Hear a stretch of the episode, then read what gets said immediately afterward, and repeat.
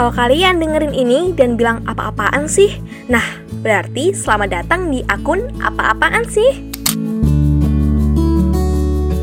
Halo, namaku Osin. Kalau kalian tanya kenapa username Instagramnya Alfa Adiratna, jawabannya itu nama channel YouTube aku. Minta tolong di subscribe ya. nah, tapi kalau kalian tanya kenapa nama profilnya apa-apaan sih? Itu berawal dari tujuan aku bikin akun Instagram ini.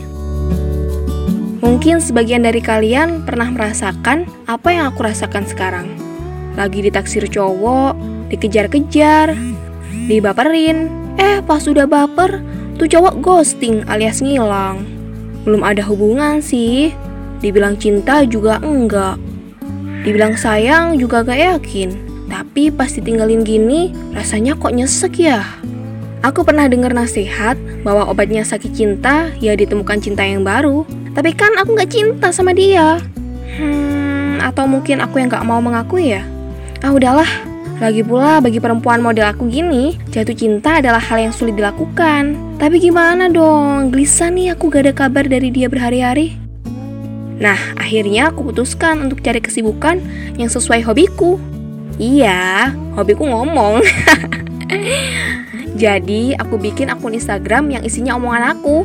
Ya, karena isinya random dan sering gak jelas, aku kasihlah nama apa-apaan sih. Karena kalau kalian dengerin ini dan bilang apa-apaan sih, nah berarti selamat datang di akun apa-apaan sih. Tapi karena aku tahu sebagian dari kalian juga pernah merasakan yang sama, jadi kalian bisa ikut berpartisipasi di akun ini loh. Keluarkan semua unek-unek kalian dalam bentuk tulisan, audio, video, terserah deh. Nantinya kalau aku baik, bakalan aku posting kok. enggak, enggak, enggak. Ntar aku posting boleh. Oh iya, tips juga nih buat kalian yang senasib sama aku. Mulai sekarang, jangan gampang baperan deh. Aku baperan baru kali ini aja kok. Ya sama, tapi kayaknya kita gak usah baper aja deh. Karena sekalinya kita baper, eh malah salah orang.